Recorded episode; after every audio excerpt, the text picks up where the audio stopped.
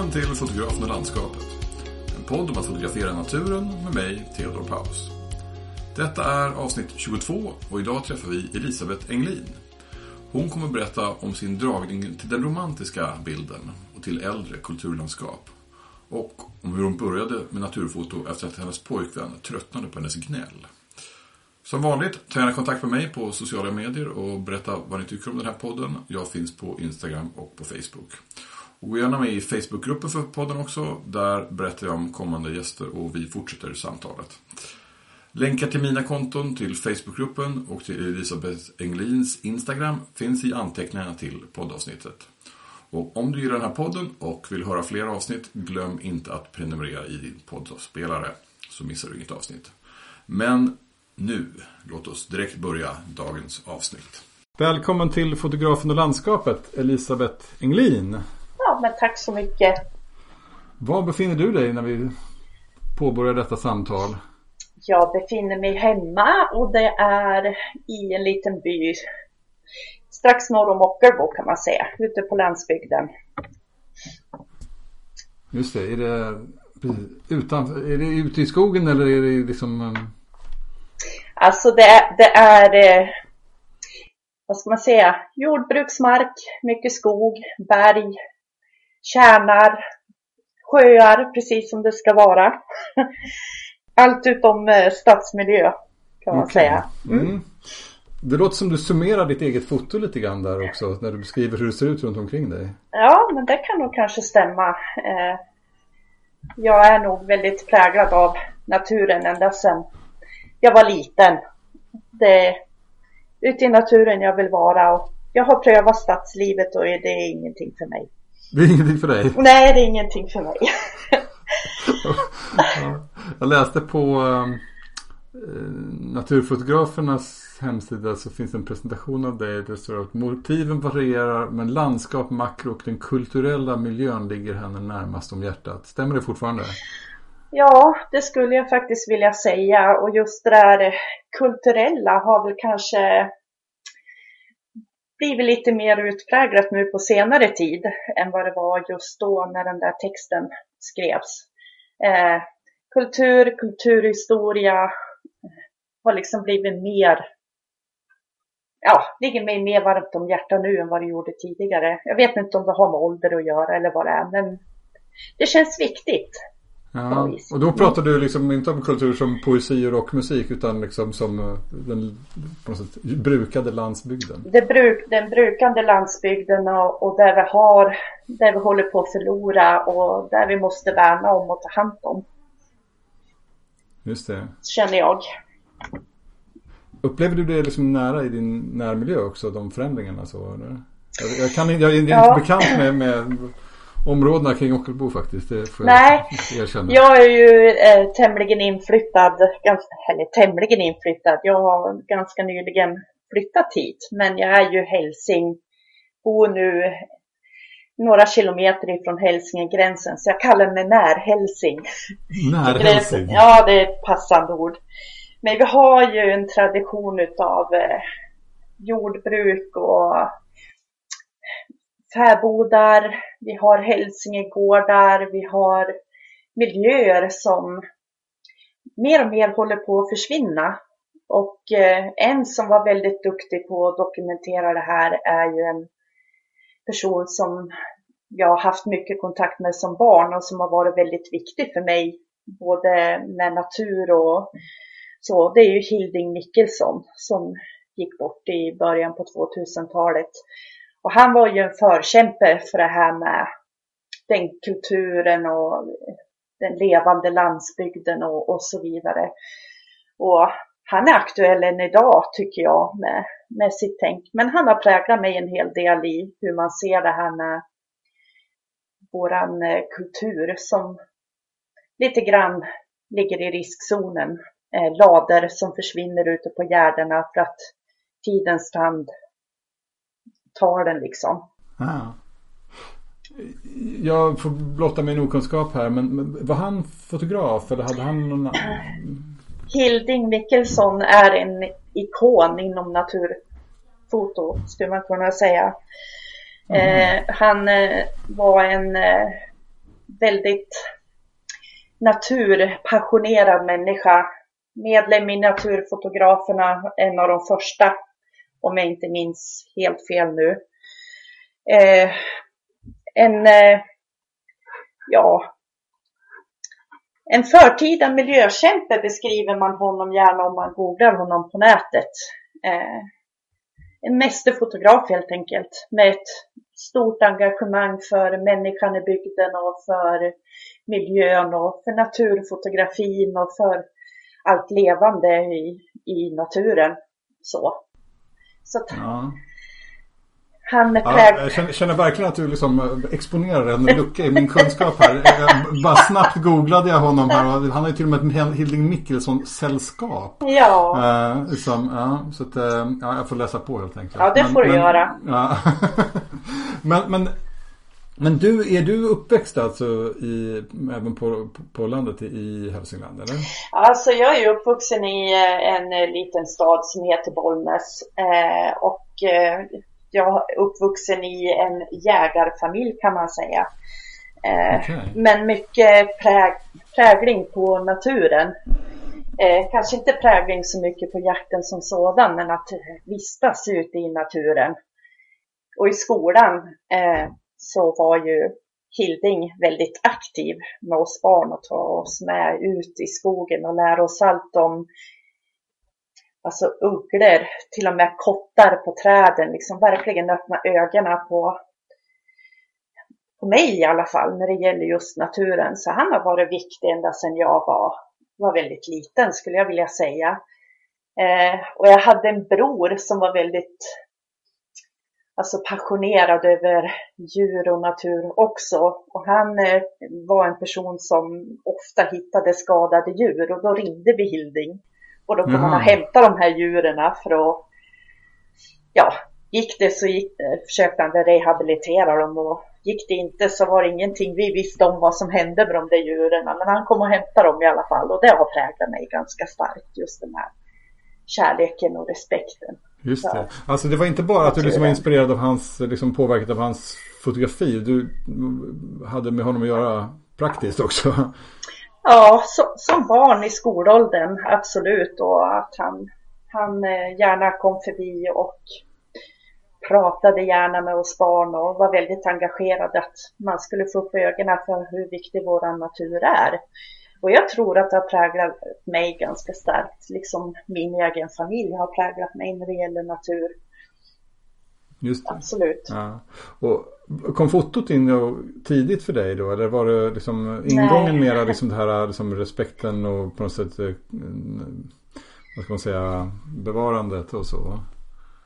Alltså jag tror att bilden har jag nog egentligen alltid haft med mig. Min mamma var äh, amatörkonstnär kan man säga, målade och det var ju någonting som jag snappade upp. Så att jag började egentligen med pensel i näven och målade med både olja, akvarell och så vidare. Eh, sen eh, i början på 2000-talet så var jag med om en trafikolycka som ställde till en hel del med skador i nacke och bäcken och så vidare. Så att jag kunde inte hålla i den här penseln och stå i flera timmar och måla som jag kanske hade gjort tidigare. Eh, jag hade inte orken och uthålligheten, jag hade inte finmotoriken kvar. Och då träffade jag en, eh, en kille som eh, jag sällskapade med ett tag och jag var väl eh, gnölig, grinig, gnällig.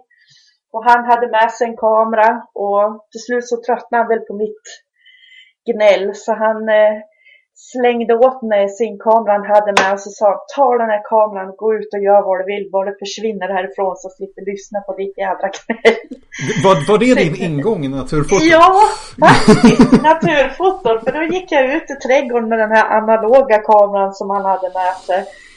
Och bara blev så totalt fascinerad för jag insåg att man kan ju faktiskt göra bilder med kameran och se bilder och komposition och så vidare bara genom att titta genom ja, ett litet okular.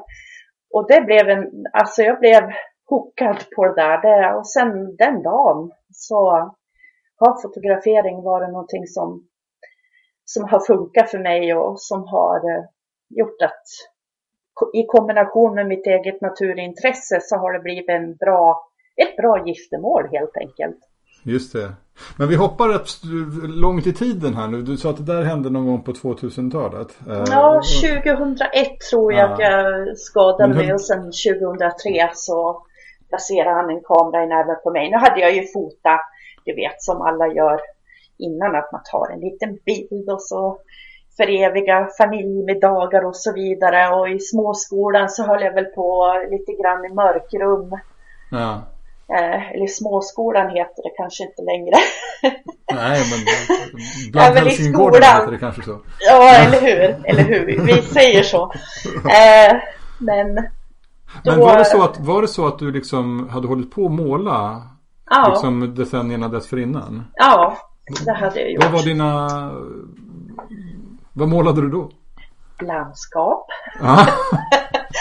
Landskap, eh, natur, alltså växter och djur och, men även människor och det tror jag fortfarande hänger kvar än idag. För att jag tror att jag är en eh, allätare inom fotografin egentligen, även om naturen är ju det som är min största inspiration så har jag ingenting emot att fota människor heller. Ja, ja. Hållit på med lite porträtt och hjälpt till med lite bröllopsfotograferingar och, och så vidare. Okej. Okay. Mm.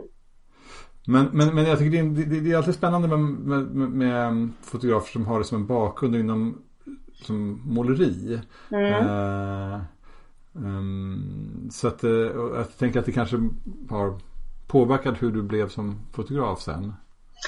Ja, det beror på lite grann vad man har för inspirationskällor. Men min stora inspiration det är ju självklart, kanske låter som en liten klyscha, men Bruno Liljefors, Markus Larsson.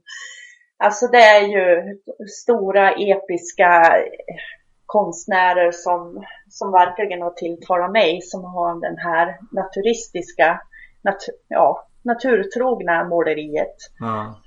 Utav landskap, av djur i naturen och, och så. Så att det har påverkat mig. Eh, säkert präglad av min mor som även tyckte om ungefär samma genre i, i sitt måleri liksom. Så. Ja, precis. För att, um...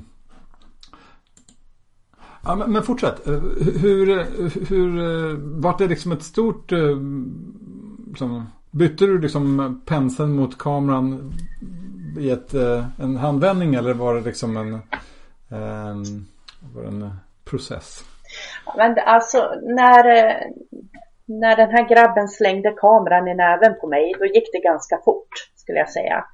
Eh, det är klart att jag försökte ju fortsätta måla men eh, det blev ju inget roligt eftersom finmotoriken var borta och ja, ja, okay, uthålligheten mm, försvann och, och mm. liksom jag klarade inte av det helt enkelt. Nej, just det, det var eh, mer av nödvändighet liksom. Ja, men, men lite så. Ja. ja. Så mm. att eh, nu har jag inte provat på flera år att sätta en pensel i näven på mig själv men det skulle vara roligt att pröva och se hur det går. Om inte annat kan det ju bli väldigt abstrakt bildskapande, man vet aldrig. mm. Och vilken roll har som landskaps eller naturfotot för dig idag? Alltså, det är en ganska svår fråga. Just för närvarande så skulle jag väl säga att jag är nog kanske inne i en eh, liten dvala. Jag brukar hamna där lite nu och då. Och jag har lärt mig att inte pressa mig själv till att jag måste prestera någonting eller jag måste gå ut och fota för att då blir det inget bra. Eh, men sen bodde jag ju inne i jävligt ett tag och då dog ju liksom allting som hade med känsla för att vara ute och fota och göra. Det var inget bra. Eh, men mer och mer så kommer det ju tillbaka och jag går ut med kameran lite nu och då men jag har ingen större press på mig själv att jag ska prestera utan det är nog mer att jag vill gå ut i naturen när jag tar med mig kameran. Det är liksom på den nivån just nu och det växlar hela tiden och det måste det få göra. Det blir nog ganska lätt så om man är en kreativ eh, person, tror jag. Det, det pendlar en hel del. Det, det är som en känsla, om man överför sin känsla in i, i kameran på något vis. Det kommer och går. Ja, och det låter som du har haft lite olika perioder där det som det har fotot har fyllt lite olika funktioner. Liksom att, så, är det är ja. du så klar? Nej, nej, men det kan man nog faktiskt säga. Eh, I början där så var man ju väldigt engagerad och fotade allt som bara dök upp framför kameran och sen så blev det väl mer att man eh, började ställa frågor till sig själv. Vad vill jag med min fotografering? Vad, vad vill jag att den ska ta mig och vad, vad betyder den och hur ska jag utveckla den och hela balletten? Och, vad kom du fram till för svar? På de där stora ja, frågorna. Långsiktigt, eh, långsiktighet skulle jag vilja säga.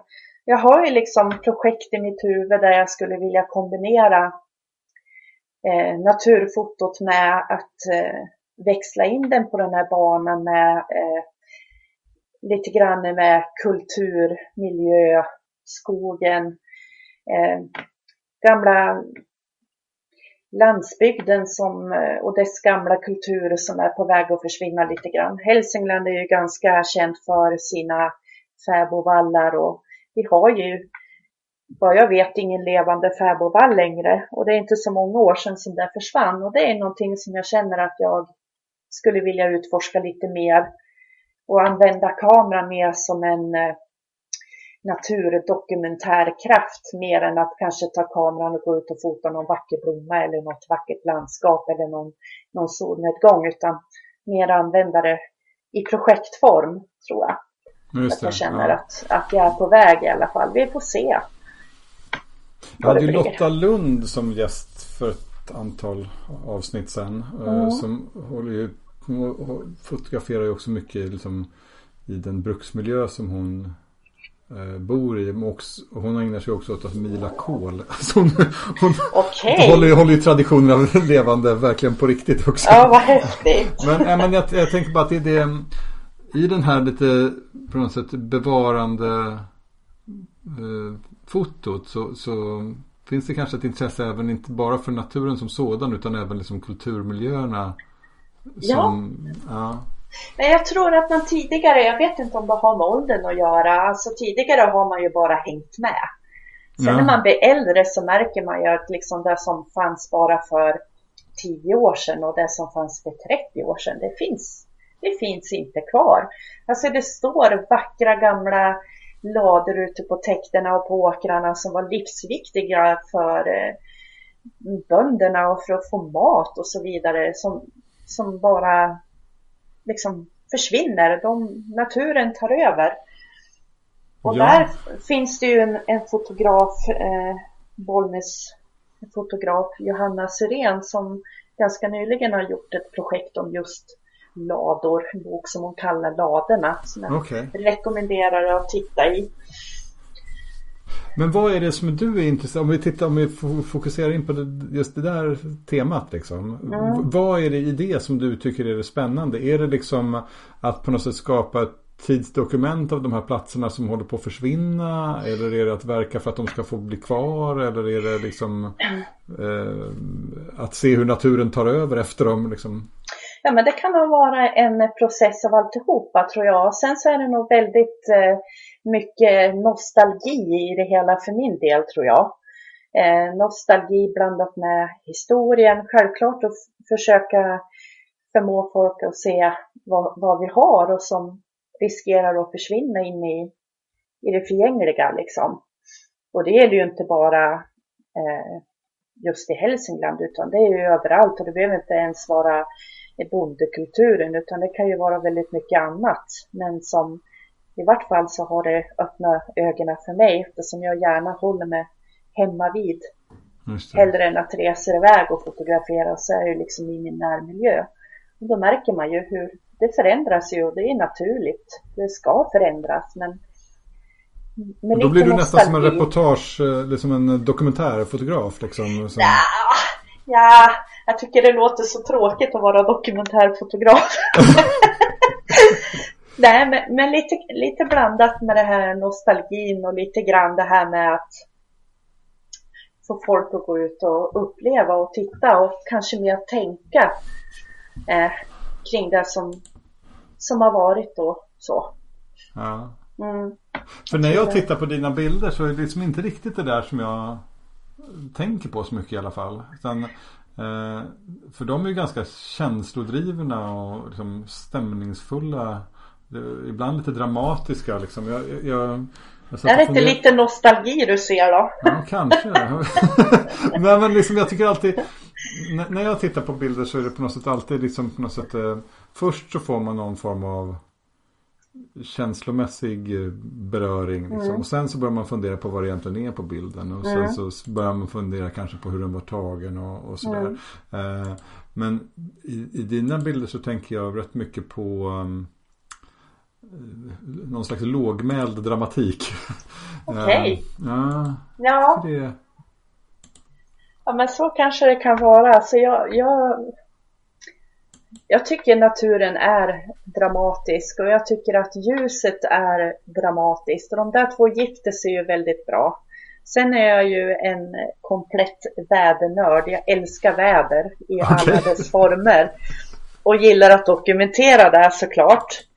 Och ja, drama i, i naturen och, och så, det, det, kan jag faktiskt hålla med om. Det är väl kanske en annan aspekt i, hur jag tänker kring och vad jag vill göra med mina bilder tror jag. Men eh, ja, just i projektform så är det någonting jag har hållit på med länge, just det här med Hälsinglands gamla kulturbygd, även om det inte har kommit ut på pränten. Jag, jag tar min tid, jag bidar min tid, så får vi se vad det blir av det. Annars är det ut och uppleva och vara här och nu i naturen och fånga det på bild där man ser så man känner att man vill dela med sig av helt enkelt. Är det, är det en av dina drivkrafter att få liksom dela med dig av det du ser? Ja men alltså kanske det jag ser av, av känslan, det jag upplever det. För ibland så känns det som att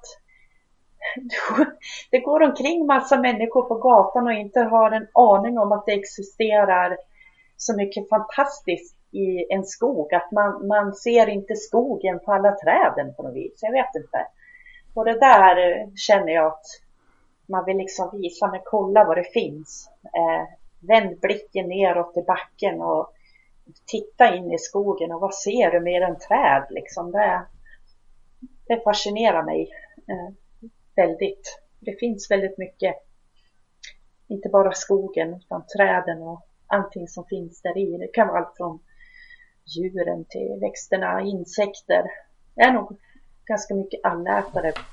Att jag, jag kan inte säga att jag tillhör någon speciell genre så, utan det är allt. jo, men, men, ändå med vissa liksom inriktningar så. Ja, ja, ja det, det är nog lite tajmat med jag känner för stunden tror jag. Mm. Faktiskt, vad det blir. Men, men det här vädernörd, eller vad var du sa? Ja, uh, ja. Kan, kan, du inte utveckla det lite grann? På, på, på vilket sätt då? Eller? Ja, alltså det är... Jag har alltid varit intresserad utav, av väder och en av mina stora drömmar det är ju att få helt enkelt åka över till USA en vår. Eh, följa med en storm chaser och jaga tornados det är väl, det skulle vara häftigt. Eh, alltid varit fascinerad. Eh, norrsken, regn, eh, dramatiska himlar, åska.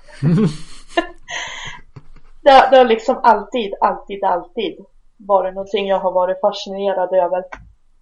Vad kul. Ja. ja.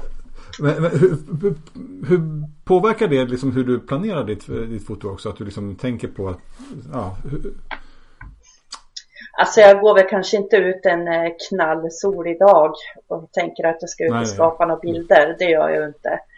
Men blir det en dramatisk himmel och man ser att det tonar upp sig, det är ju en jättefin backdrop för en riktigt dramatisk bild.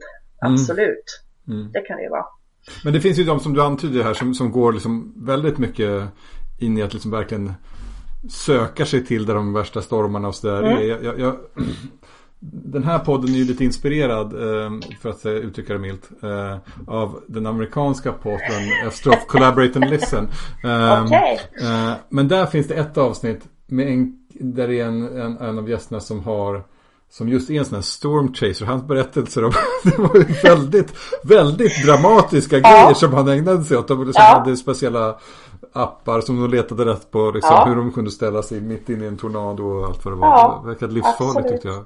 Ja, man, man, man, får väl välja sina äh, människor man har med sig. Man kanske inte vill vara mitt i det hela. Men att vara i närheten av och se den här fantastiska kraften och den dramatiken som det skapar i, i bilden så att säga. Det, det skulle jag vilja göra.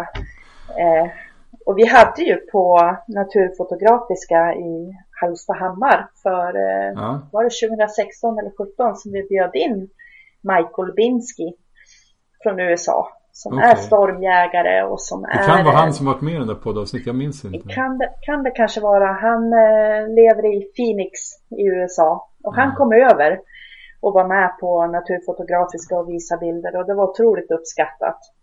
Eh, så honom hittade jag ju på genom att mitt intresse för stormar och, och så naturligtvis. Så vi fick jättebra kontakt där och vi har fortfarande väldigt bra kontakt. Och ska jag åka över då är det ju att resa med Mike för han är, han är försiktig. Han har ju familj och så. Han vill ju gärna komma hem. Men han är en ah. fantastisk fotograf och han är sund eh, och, och tar det försiktigt. Så det är en mm. dröm att få åka med han ut i jaga med tronderna. Det skulle vara någonting väldigt speciellt. Ja, ja absolut. Det verkar väldigt eh, eh, spännande och livsfarligt tycker jag. ja, men man får hålla sig på lite avstånd. Ja, jag ja. vet inte om jag har pratat om det, men jag har möjligen pratat om det någon gång tidigare. Men jag, när jag började med det här fota själv så trodde jag att det här skulle vara liksom väldigt eh, kontemplativt och så. Eh, men jag har ju ofta upptäckt att det är både stressigt och finns en massa faror också. Liksom, mm. Man är på efter solnedgången liksom blir någon blöt klippa liksom och eh, bortanför mobiltäckning och sådär. Så att, ja. ja, man får ja, ta det, det försiktigt. Det är det som är grejen tycker jag. Lite grann. Vad är grejen för dig? Ja men alltså och, Ja, nu vart det ju svårt att svara på helt plötsligt. Men om jag tar som ett exempel nu när jag får semester här, då packar jag min bil med, med tält och sovsäck och så planerar jag att sticka norrut, ut i skogen, bortom allfarvägarna och vara ute och fota och ströva lite och inte vara tillgänglig utan få vara i min värld och ta med mig kameran och skapa mina bilder utifrån den känsla jag har när jag är på platsen. Och det, det är någonting som jag saknar eh, jättemycket. Så att det ska bli helt fantastiskt att få göra den här resan. Ja, vart ska du? Jag tänkte åka upp genom Ångermanland och in i Jämtland och så får vi se eh, var jag hamnar. Jag har liksom ingen speciell plats som jag vill till så, utan det är resan som är vägen mot målet, eller vad är det de säger? Karin Boye, ja. Ja, lite grann så. Bara, bara vara. Ja. Mm. Men um, förutom den känslan av att bara vara som du beskriver här. Är det liksom på den resa som du ska göra. Är det något särskilt som du uh, söker för, för ditt foto? Alltså jag dras ju väldigt mycket till, till fjäll och jag dras väldigt mycket till skog. Eh, och kanske lite grann att hitta den här orörda platsen att, att dokumentera. Vi får väl se om jag hittar det, men lite, det är lite solitära, lite orörda, eh, orörda platser där man bara får gå omkring och, och få upptäcka någonting att kunna skapa utav på något vis. Det är svårt att sätta ord på det där. Utan det är liksom ja, är det, mer är det en inre känsla. Är det platser som ingen annan har varit på som du är ute efter? Eller är det mer orörd i någon slags känslomässig bemärkelse? Ja, men jag tror det, det senare faktiskt. För att eh, om jag ska åka till där ingen annan människa på att ha varit då, då får man nog leta sig väldigt, väldigt långt ut i ingenmansland tror jag. Men Ja, just, just det här solitära där, där det inte finns eh, någonting annat än jag och kameran som pockar på uppmärksamhet. För att Ja. hitta den här eh, lite inre kreativiteten som jag kanske känner att jag har saknat lite grann här på slutet. Det är väl jakten på kreativiteten kanske. ja, är det liksom en upptäcktsresa för dig själv liksom den här semestern nu? Ja, Att men jag tror kanske kan det. komma tillbaka? Ja, men lite grann så. Lite grann att hitta, hitta skaparlusten igen på något vis. Ja. Ja, det tror jag. Det är ju för, för vissa är det ju det här med att det ska vara unikt väldigt viktigt liksom. Och att man kanske hittar det både ett unikt uttryck men kanske också en unik plats liksom sådär. Att, eh, men, eh, men för dig verkar det vara mer den unika känslan som du själv får på en plats. Ja, faktiskt. Ja. Jag, jag tror att det är, du beskriver det ganska bra.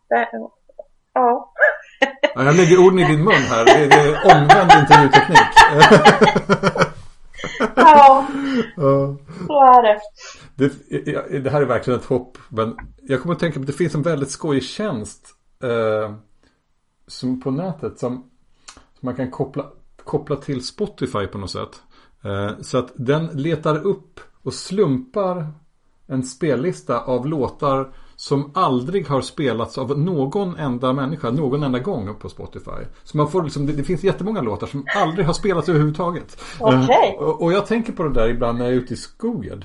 Att även om man går liksom en, väl, liksom en led liksom. Där har ju väldigt många människor gått. Men om man går en liten bit utanför leden. Där finns liksom motsvarande liksom platser som sannolikt aldrig någon har sett någon enda gång. Ja, men Eh, visst är det häftigt. Häftig tanke. Ja men liksom rör dig 100 meter från leden. ja, Och så kommer du in i ett område där antagligen så har det här trädet aldrig någonsin betraktats av en människa. Precis. Det sätter du ju huvudet på spiken. Det, du pratar ju om min kommande semester med kameran. Du har ju, du har ju snappat upp det där. Men ja, det, det, och då, får, då har du ju ett ansvar där. Den första gången som någon tar en bild på det där, då måste det ju vara okej i alla fall. Ja, precis. Det kommer ju, kommer ju lite, ja vad ska man säga? Jag, känner kravet. Ja, ja, absolut. Jag driver upp förväntningarna. men, men när du tar en bild, vad är liksom viktigt för dig för att du ska känna att den blir bra? Ja du. Jag gillar ju eh, komposition. Tycker jag är viktigt. Eh, för att det, det är så viktigt hur man, hur man betraktar en bild och var man börjar se en bild. Eh, om du tänker att du själv står ut och tittar ut över ett landskap så börjar du aldrig, kan du tänka på, du börjar aldrig att titta in i ett landskap med att fästa blicken mitt i. Utan blicken vandrar in från något håll och så sveper det över landskapet. Och så fastnar det på någonting som du tycker är, gör att hjärnan registrerar att det här är ett fantastiskt vackert landskap. Likadant är det när man, när man tar en bild och när man betraktar bilder. Så är det en bild som är fotad med någonting som är centralt komponerat om det inte är medvetet, det vill säga att det finns sådana bilder också där man vill ha det mitt i. Men så börjar du liksom att skanna av bilden från något håll, att du söker blicken in i bilden.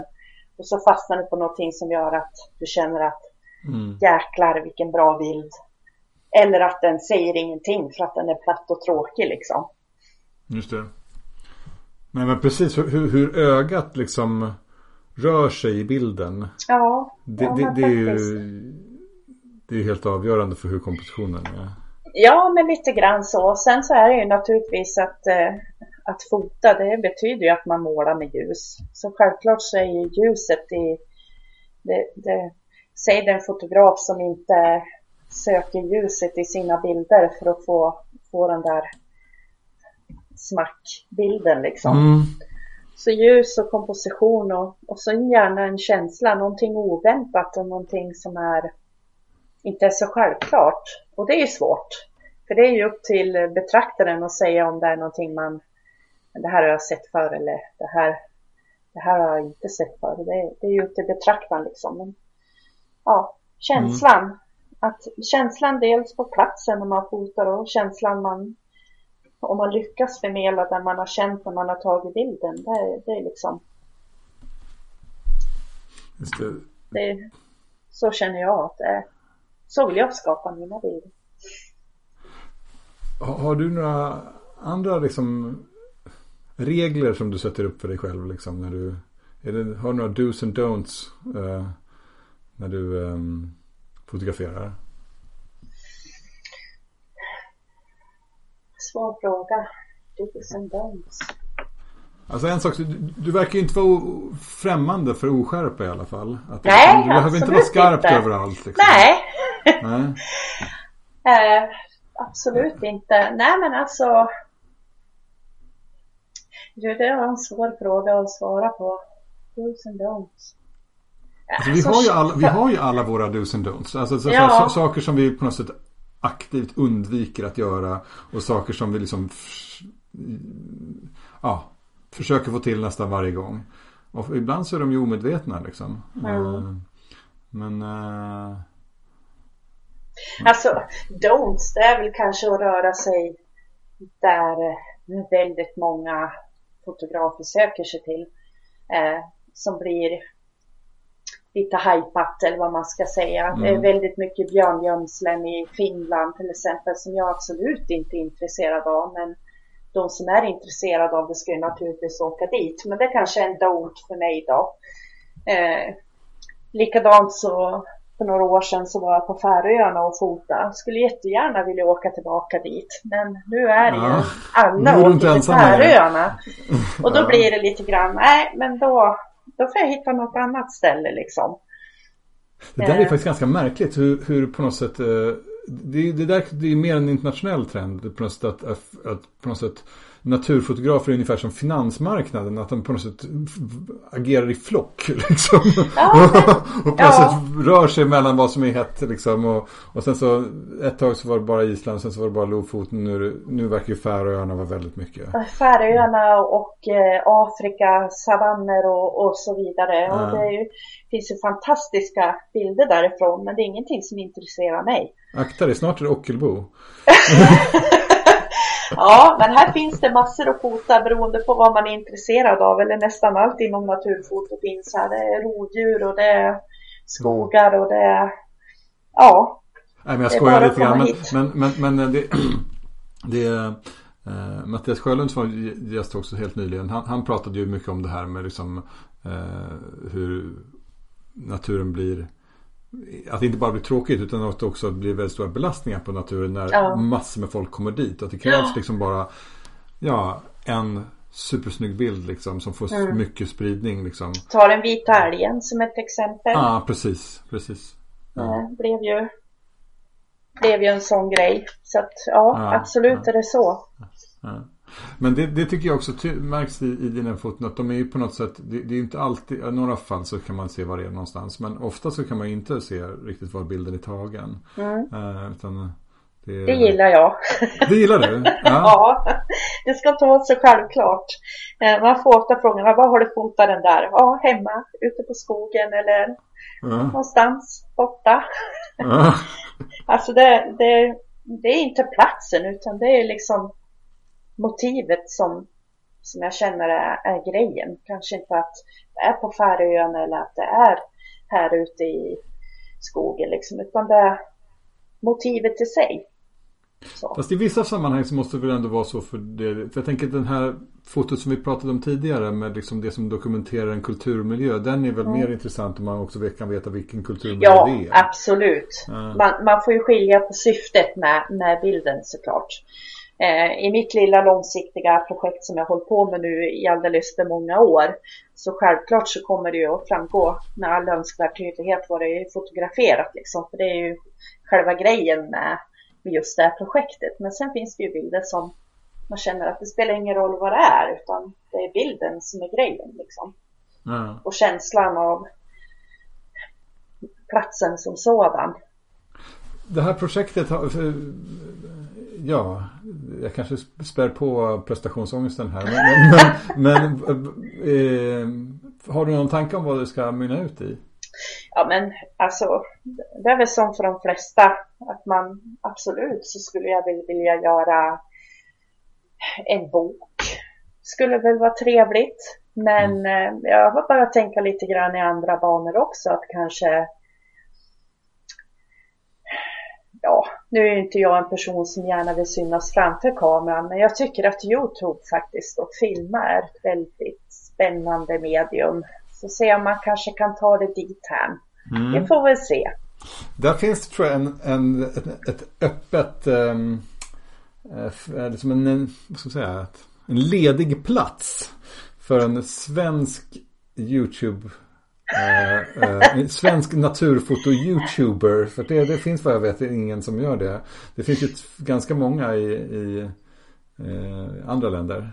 Ja, vi har ju några. Niklas Versén har ju sin YouTube-kanal. Men det finns ju alltså hur många platser ledigt som helst. Det är ju bara mm. fantasin som sätter gränser. Ja.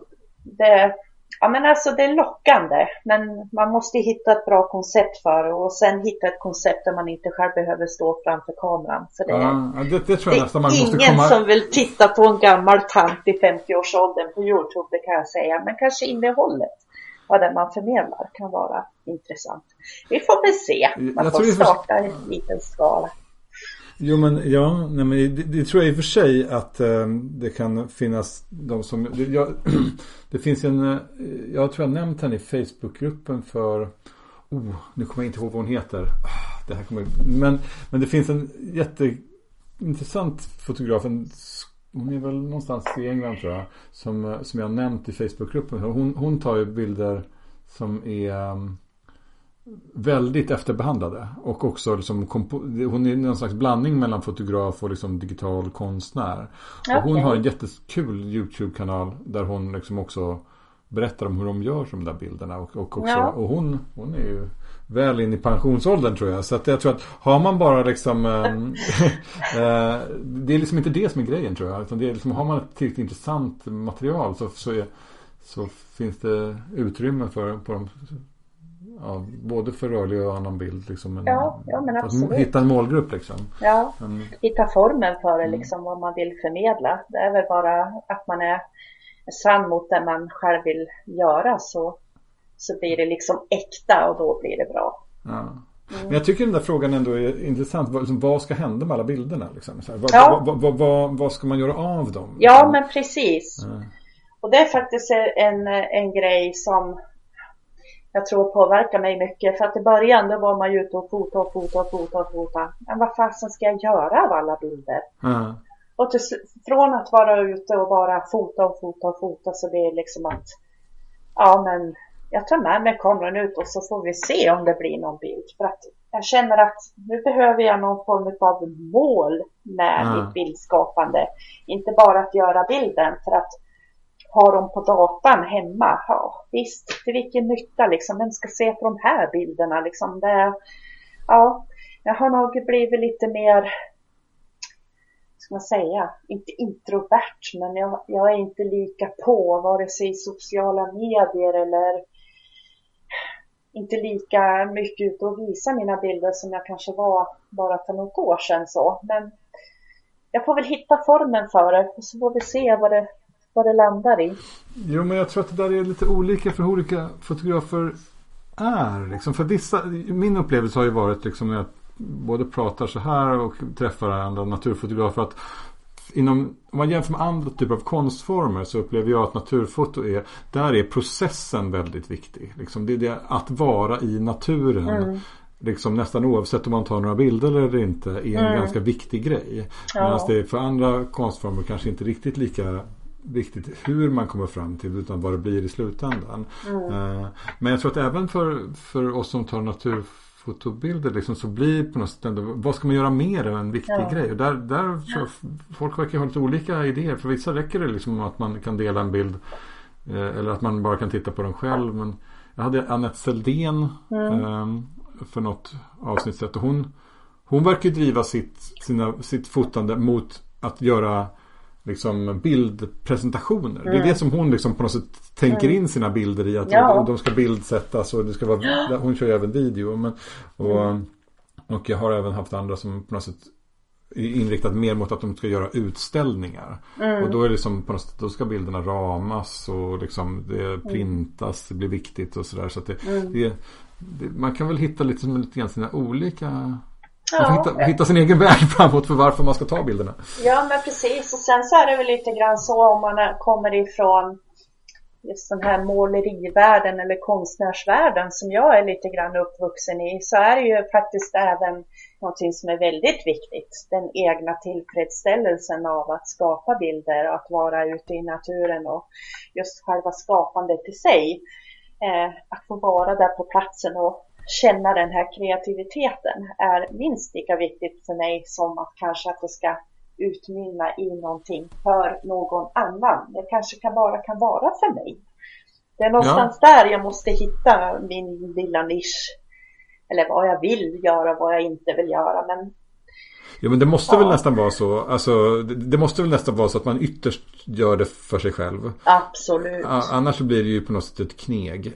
ja, ja men absolut. Och det, där vill jag inte hamna. Så jag beundrar verkligen de som har naturfotot som och lyckas med det i ett yrke. Alltså det är all, all respekt till dem. De gör ett hästjobb verkligen och som förmår att hålla uppe inspiration och kreativitet och så vidare och de gör det så himla bra.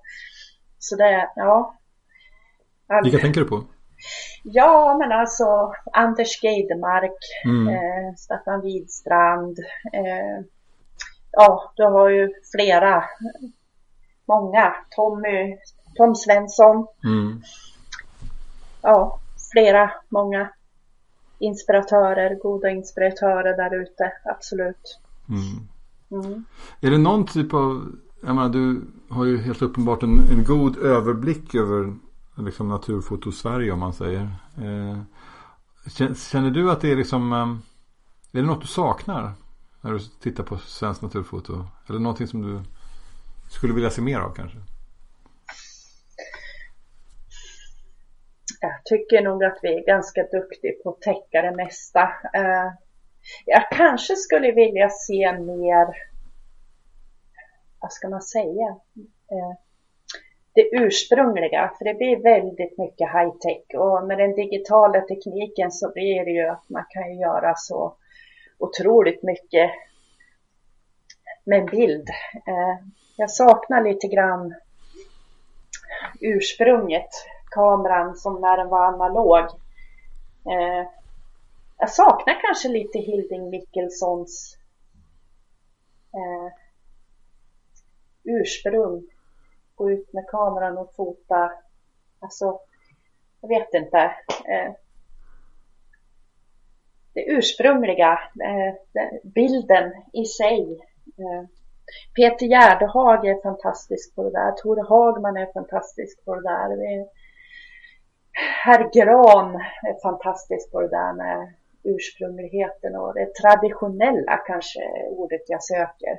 Traditionella naturfotot, att fota miljö, fota natur som det verkligen, ja, traditionellt. Eh, vad, vad lägger du i det ordet? att det skulle inte ha gått den vägen känner jag, för det är jättesvårt att, att förklara. Men alltså att Nej men vad betyder det för dig kanske? Ja. ja. Men alltså visa upp. Ja men om man tänker på all den här high-tech som, som finns nu. Du har drönare och det är jättevackert med drönare. Alltså jag lägger inga aspekter på att folk får fota och göra precis vad de vill. Men att komma tillbaka till till lugnet på något vis med en, en, traditionell naturbild som visar så mycket utan att det är så... Nej, det är jättesvårt att förklara mm. vad jag menar. Det är mer en känsla jag har med just den här. Bara den traditionella naturbilden som inte är som jag kan känna ibland så otroligt processad mm. mångt och mycket. Det är väldigt saturerat, det är väldigt skärpt, det är, det är väldigt mycket av allt för att få den här smackbilden. jag känner liksom att jag är lite mätt på, på de här bitarna. Jag vill tillbaka till en lugn bildyta där det är naturen som den ser ut som mm. får finnas på bild. Just det. Det verkar ju finnas liksom lite grann av en retrotrend också. Jag pratade med någon i en fotoaffär som sa att de säljer mer film nu än någonsin tidigare. Och liksom det, mm. Folk borde ju köpa, jag vet inte hur stor den trenden är. Men det säljs ju i alla fall liksom sådana här storformatskameror liksom på, ja. på ett annat sätt idag ja. än vad det gjorde tidigare. Liksom, så ja. det, äh... Och samtidigt så är jag jätte, jätte sugen på att själv skaffa mig en drönare just för eh, foto och så. så nu erkänns det här. Ja, jag, jag dissar ingen utan jag bara pratar om min egen känsla av hur jag tycker det just med bilderna. Jag vill på något vis komma tillbaka till ja. lugnet. Och... Jag skulle gärna vilja ha en drönarfotograf någon gång i podden också. Det hade varit kul. Eh, någon som, eh, men eh, det kanske får bli vid tillfälle. Mm. Ja. Ha, så att eh, eh, vi kanske får se hälsingegårdar från luften också. ja, man vet aldrig. Ja. Ja. Jag är nog mer intresserad av vad som finns på insidan. Det är lite svårt att flyga drönare inomhus. ja, ja, ja, ja, det kanske, kanske är en utmaning. Det får vara en väldigt liten drönare kanske. Ja, precis. Ja. ja, men, men spännande. Det, ska bli under alla omständigheter bli kul att se vad det kan mynna ut i. Du har ju haft utställningar och varit publicerad i massa olika sammanhang tidigare. Mm. Så att, ähm, det vore roligt att ja. se. Mm. Du, vi börjar närma oss äh, slutet av av vårt samtal så sakteliga. Mm. Tiden går fort. Ja. Uh, och jag också måste säga det. Det var ju fantastiskt kul att vi fick till det. För vi hade ju verkligen allt emot oss. det, ja, det, här var, det, det, var kanske en av de knepigaste att få till. Med, du var tvungen att ställa in på kort varsel häromdagen. Och sen så var det helt jättesvårt att få till det. Och nu fick vi till slut till det. Då strulade tekniken. Ah, men. Ja. Nu, nu hoppas jag att det här spelas in. Annars. ja, annars får vi börja från början. Ja, men, men något helt annat. Men du, eh, avslutningsvis här. Har du några tips till andra naturfotografer? Hur man tycker man kan ta sig an naturfoto eller vad man bör tänka på? Alltså det komplicera inte till dig. Eh, det heter det. Komplicera inte till dig. Det, jag kan inte prata idag. Eh, gör din egen grej. Gör det du själv känner för. Börja peta i med att göra för att vara eh, följa trender eller någonting sånt där. Utan strunta i det. Utan bara gör det hjärta känner att det vill göra med kameran liksom. Bara följ din egen grej. Gör din egen grej. Och var dig själv. Med mm. kameran i näven. Då kan det inte bli fel. Och håll det enkelt. Håll det enkelt. Ja. Mm. Det är väl alldeles utmärkta. Jag har en känsla att det, det där är ju eh, sådana här tips som är lättare att säga än att följa. Mm, absolut, absolut. men, eh, men som vi alla får kanske kämpa med. Eh, och ja. eh, det, jag tycker alltid väldigt svårt att veta vad den egna grejen är. Ja, jag, jag vet ju när liksom, men, men det känns ju som att det är en livslång resa att ta reda på det. Men om man säger så här då, gå inte ut och fota när du känner att du inte har lust. Det är bra tips. Fin, ja. Finns lusten då, då blir det bra. Ja, det är alltså utmärkt. Ja. Ehm, det, det, är för övrigt alltså utmärkta tips som, som du kommer med. Men det är också saker som är, jag tror att flera av oss på något sätt um, kämpar med det där. Liksom. Mm. Hur, hur, ska ja. man hitta sig själv liksom, och ja, det som man vill. Um, ha, och en grej till. Um, har du några bra tips på andra gäster som du tycker borde vara med i denna podd i framtiden?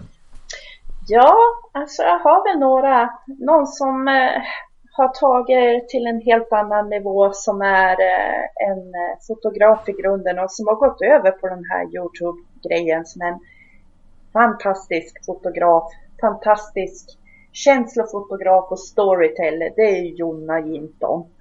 Ursäkta, vad, vad Jonna Jinton. Jonna Jinton. För mm. mig okänd person. Kolla upp henne på Youtube så ja. förstår du vad jag pratar om. Och sen så finns det ju det här med landskap. Det, kan ju, det är så olika för olika människor. Men eh, vill du ha spännande fotograf så tycker jag absolut att du ska prata med Jörgen Tannerstedt. Mm. Som är astrofotograf. Eh, han har mycket spännande landskap att dela med sig av, absolut. Så han kombinerar landskap med astro? Ja, precis. Ah, ah. Verkligen. Eh, och sen Tor Torda uppe i norr som använder bilden även i, inte bara som bild utan berättar även eh, om alltså vad som händer uppe med, med gruvor och med samhällen och så vidare. Det mm. tror jag skulle kunna bli ett fantastiskt spännande samtal. Och även passa på att prata med Gunilla Falk och hennes fantastiska storslagna landskap det skulle jag rekommendera. Det skulle vara intressant att höra vad de har att berätta om kring sina bilder. Du, då känner jag att vi, vi, vi, vi är väl försedda med tips på nya eh, potentiella gäster. Eh, och eh, vad roligt att vi fick till det och att du eh, att få prata med dig här mm, idag. Detsamma. Ja. Tack för att jag fick vara med. Ja, tack och ha en trevlig och eh, spännande fotosemester här då. Tack så jättemycket. Vi får se vad det blir av det, men det blir säkert bra. Ja, tack ja. för att du var med. Tack själv.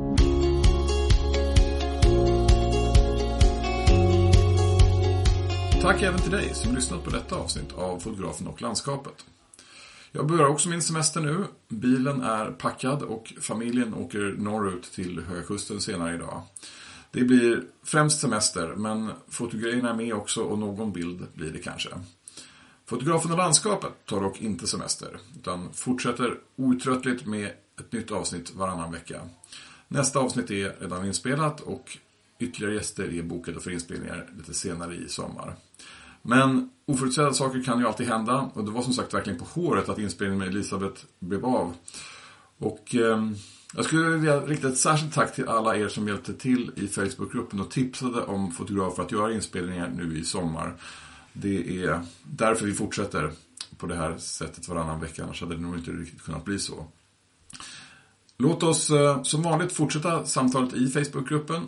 Om du inte redan är medlem där så har du länken till eh, gruppen i anteckningar till det här poddavsnittet. Och i anteckningar hittar du även länkar till Elisabeth Englins Instagram och till de fotografer som hon tipsade om i slutet av avsnittet. Samt till min Instagram och min Facebook. Du får gärna ta kontakt med mig om du har tankar på hur podden är eller om du har förslag om nya gäster. Det är alltid jättekul med feedback och gör det roligare för mig att podda vidare för er.